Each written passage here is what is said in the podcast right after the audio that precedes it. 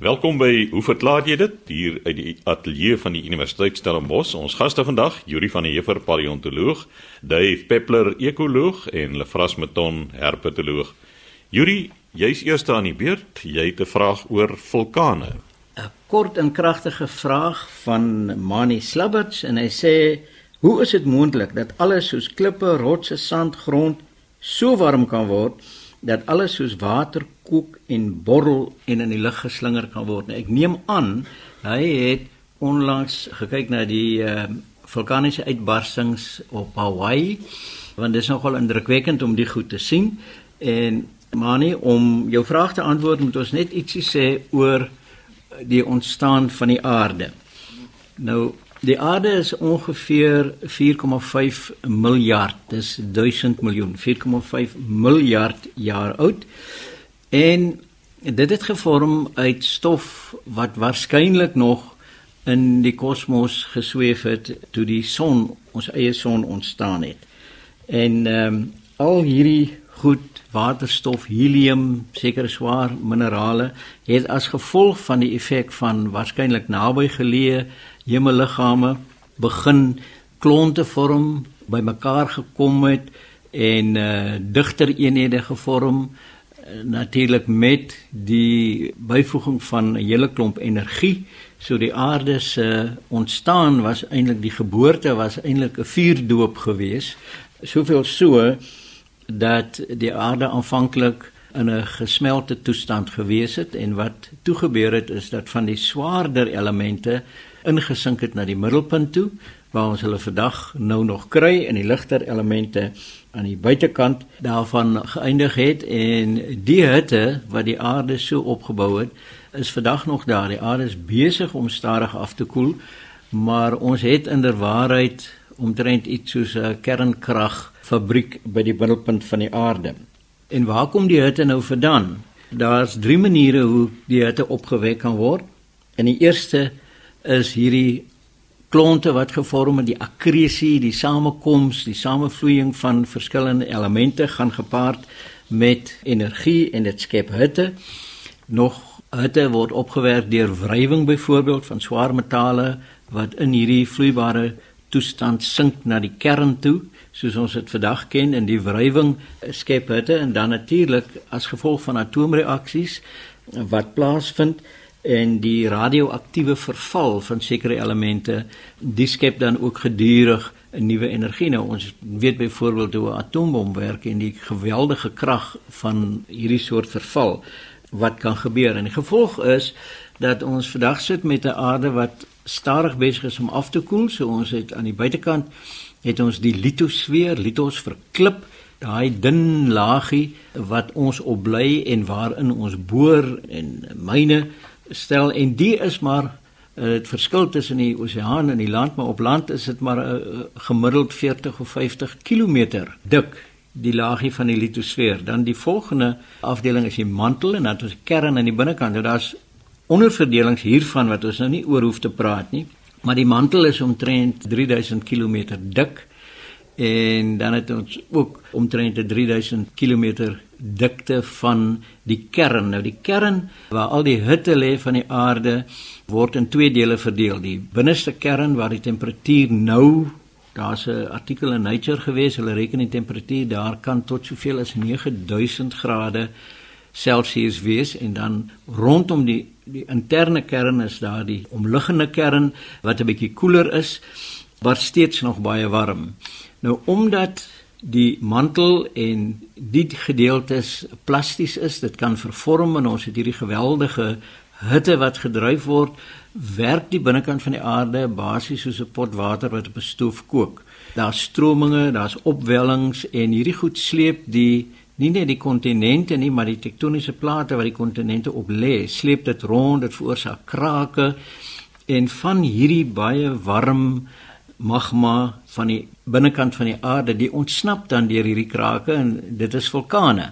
So as ons aan dink dat die warmste warmte van die kern is miskien rondom 9000 grade teen die tyd wat die wat die lava bo uitkom, is dit al heel wat koeler, maar as mense nou hierdie bydraes oor die Hawaii se uitbarsings mooi bekyk, dan sien jy daar is rooi gloeiende lava en die temperatuur daarvan is gemeet teen omtrent so 1200 grade Celsius, maar dan kom daar ook van hierdie oranje lava uit wat omtrent 1600 grade Celsius warm is. So dit is geweldig warm en dit sal feitelik alles wat ons ken sal daarin smelt.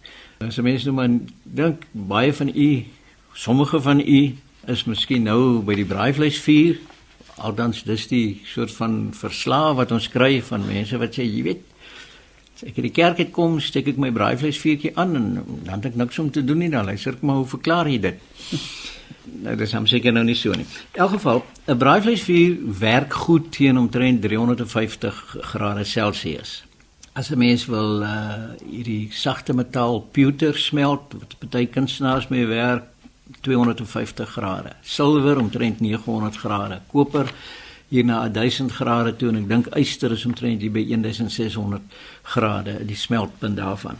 So die lava wat nou daar uitkom wat uit rotsmateriaal bestaan, die is dan gesmelt en vloei maklik. Afhangende van die samestelling van die lava kan dit baie vloeibaar wees en dit het ons ook al gesien, dit kan vloei soos 'n rivier en as daar ander komponente by is, dan kry jy 'n meer viskeuse lava amper soos heuning wat dan baie stadiger en sagter vloei.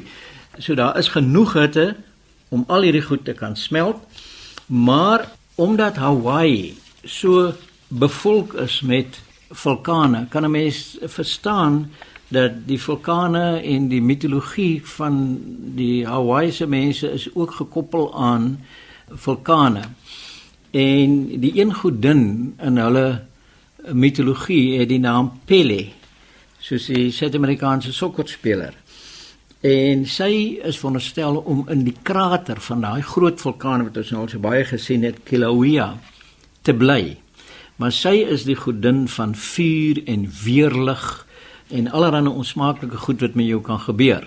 So sy is eintlik die godin wat uh mense moeite gee, wat hulle tuister en allerlei ongeluk veroorsaak. En nou het daar die legende in Hawaii ontstaan dat mense niks van die eiland af mag wegneem nie, geen natuurlike voorwerp of klip of enige so iets nie. En tog is daar mense wat altyd 'n stukkie vulkaniese klip saamneem. En dan tref een of ander ongeluk hulle. So die Hawaiise posdiens sê dat hulle elke jaar 'n hele aantal van hierdie klippe wat weggedra is per pos terugkry om dit weer in die natuur te gesit om nou hierdie ongeluk te ontkom. Nou maar eh, ek het nou dit genoem want daar is 'n geologiese agtergrond hier ook. Wanneer lava so borrel en uitspat, dan vorm dit dikwels klein druppeltjies. En met die winde wat by so 'n vulkaniese uitbarsting waai, dan word hierdie gesmelte want dit is eintlik vulkaniese glas. Dit het geen kristalline struktuur nie. Dan word hierdie druppeltjies uitgewan in lang dun draadjies, amper soos 'n glasblaser nou sal 'n dun dun staafie trek. En dis gewoonlik goudgeel en staan dan bekend as Peli Sahara. En aan hierdie goedjies, dit kan tot 15, 16 cm lank wees. Aan hierdie goed sit daar dan 'n druppeltjie, gewoonlik aan die een end van swart vulkaniese glas wat afbreek en dit staan bekend as pellisetrane. En dit is nou 'n geologiese term, dit word erken as 'n uh, eh, geologie. So die vulkaniese rots is ongelooflik warm omdat dit van die kern van die aarde afkom. Ons het 'n kragsentrale by die middelpunt van die aarde wat gedurig energie genereer. En as mense dink dit is baie, dan moet jy ook daaraan dink dat dit omtrent 5000 keer minder is as die energie wat die son op die aarde uitstort.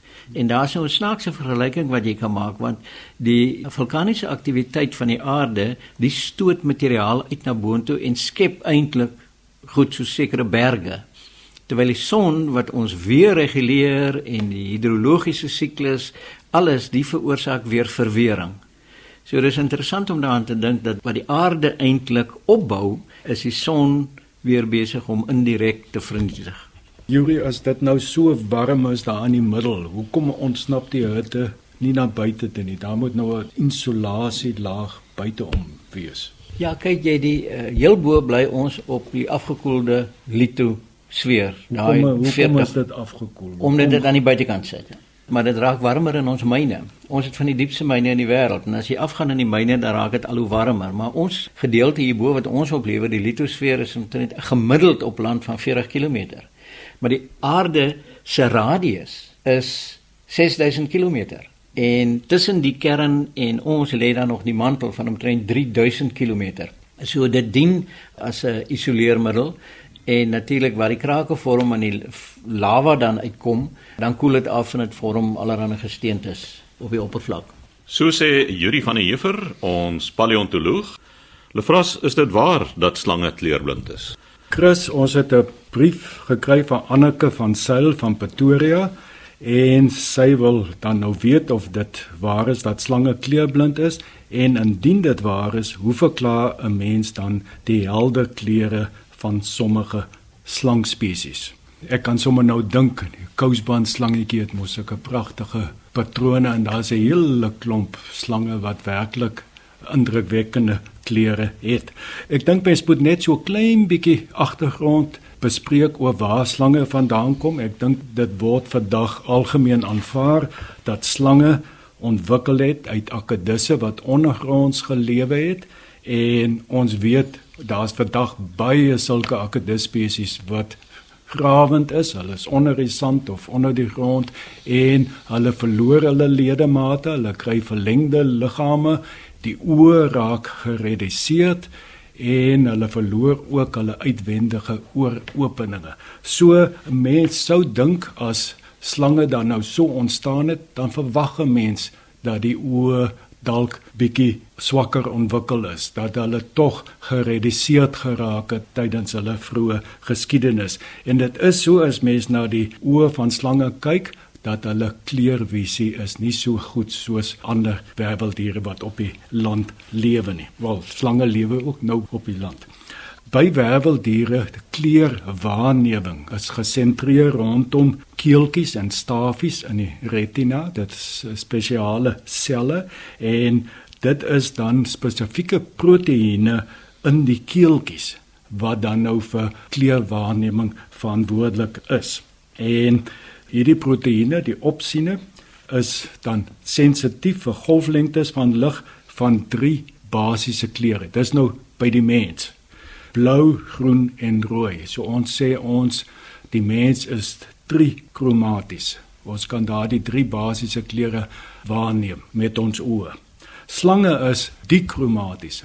Hulle kan wel kleure sien, maar hulle kan net blou en groen waarneem en natuurlik nou mengsels van hierdie golflengtes. So dit is dus waar dat slange wel is nie kleurblind nie, maar hulle kleurvisie is swakker ontwikkel as by die meeste ander werveldiere.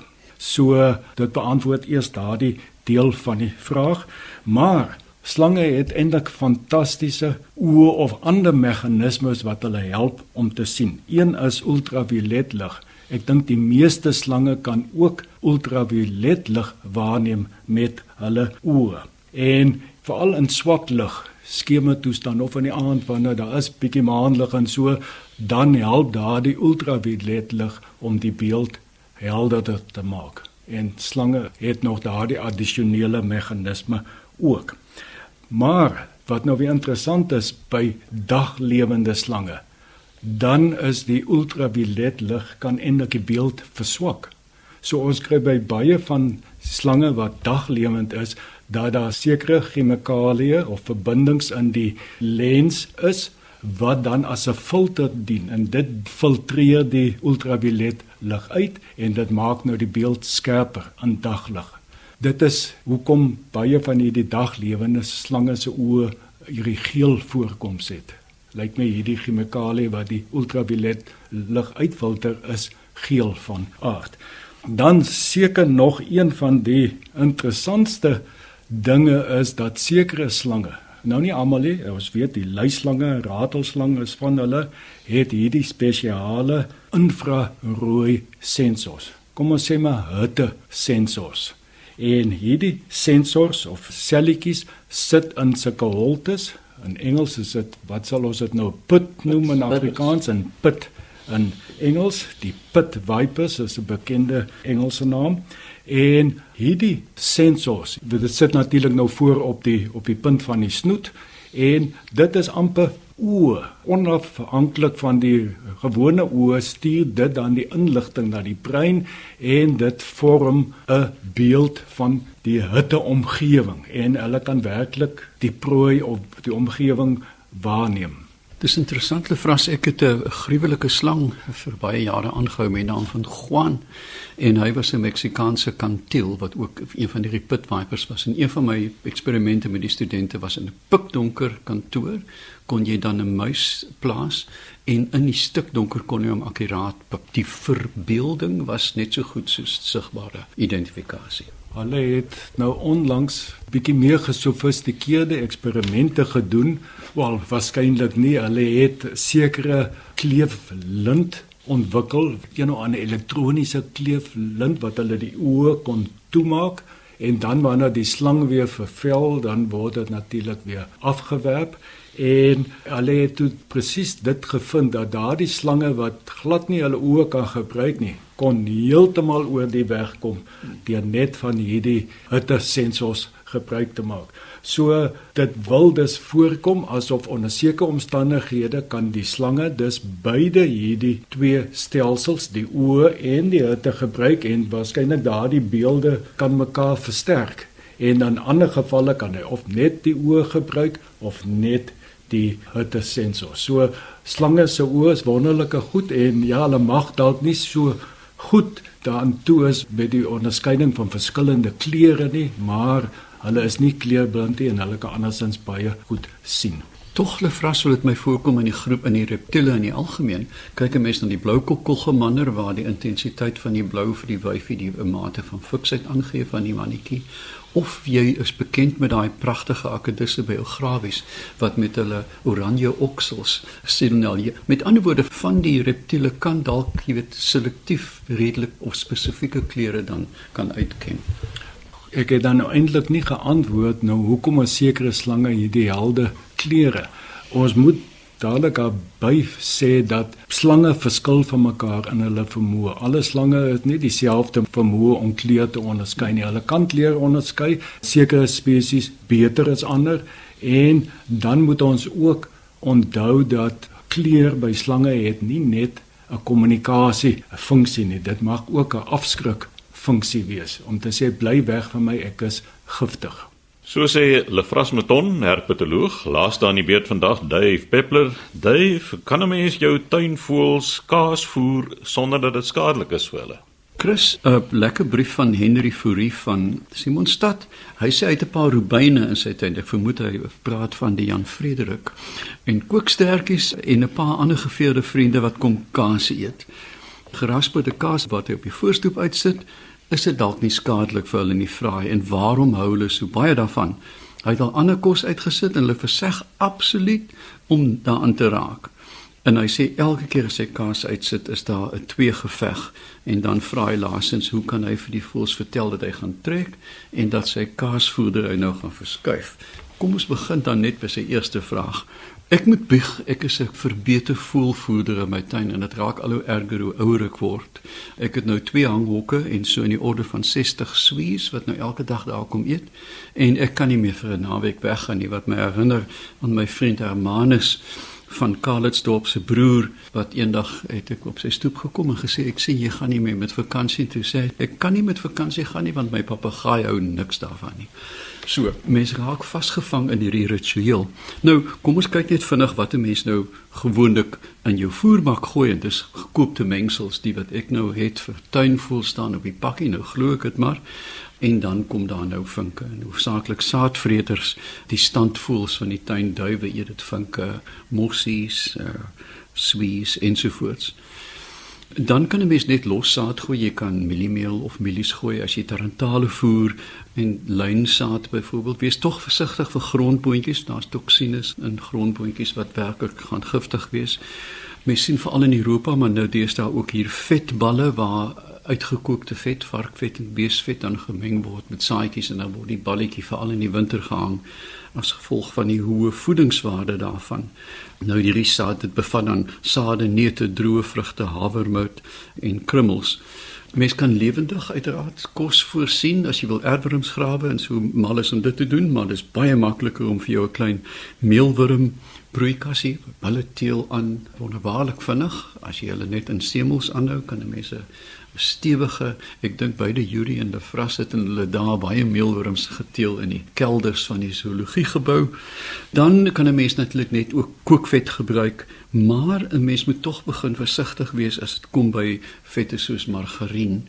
Die rede daarvoor is dis klewerig. Dis nie giftig nie, maar as die voëls dan met 'n margarienbek begin werk aan sy lyf, dan gaan sy vetkleurtjie op sy stert dalk nie genoeg wees om die spul te ontolie nie. Uh, mens moet ook versigtig wees vir iets soos droë kokosneut wat hulle baie lief is vir met dit swel in hulle pense en dan slaf val hulle van die takke af. En dan is daar rys en graankosse. Dit nog 'n waarskuwing mens moet tog oppas vir muf kos want daar is redelike toksines in hierdie mufbrood byvoorbeeld mens moet dit tog self ook nie eet nie en daarom moet jy dit nie vir jou voels gee nie. En dan natuurlik ook tafelkos. Maar kom ons kom nou by kaas. Melk bevat uiteraard laktose en ons is deesdae ek vermoed daar is 'n hele nuwe epidemie van intoleransie. Die hemel weet die aantal mense wat deesdae nie meer kan melk drink nie en ek dink dit lê meer hoofsaaklik in hulle koppe nie in hulle maag nie. Alles is glutenvry, laktosevry. Ek wonder wat 'n mens dan kan eet deesdae. Maar in elk geval, dit word dan deur 'n ensiem laktase afgebreek na eenvoudige suikers.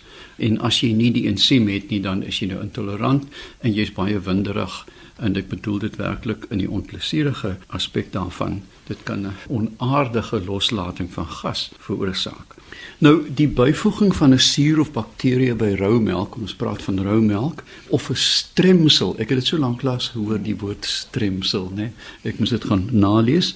Laat dan die um, proteïnkasine stol en dan kry ons natuurlik nou melk wat 'n mens nou kan of melkprodukte wat jy kan eet sonder laktose intoleransie dan is dit baie makliker om te verteer.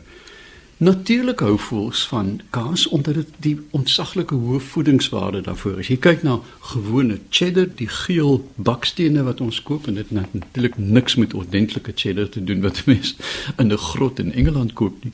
Is dit uh, 35% water, 25% proteïene en 35% vet. Dit is 'n ontsettende kragtige kaastoebroodjie in die winter kan jou ver laat stap.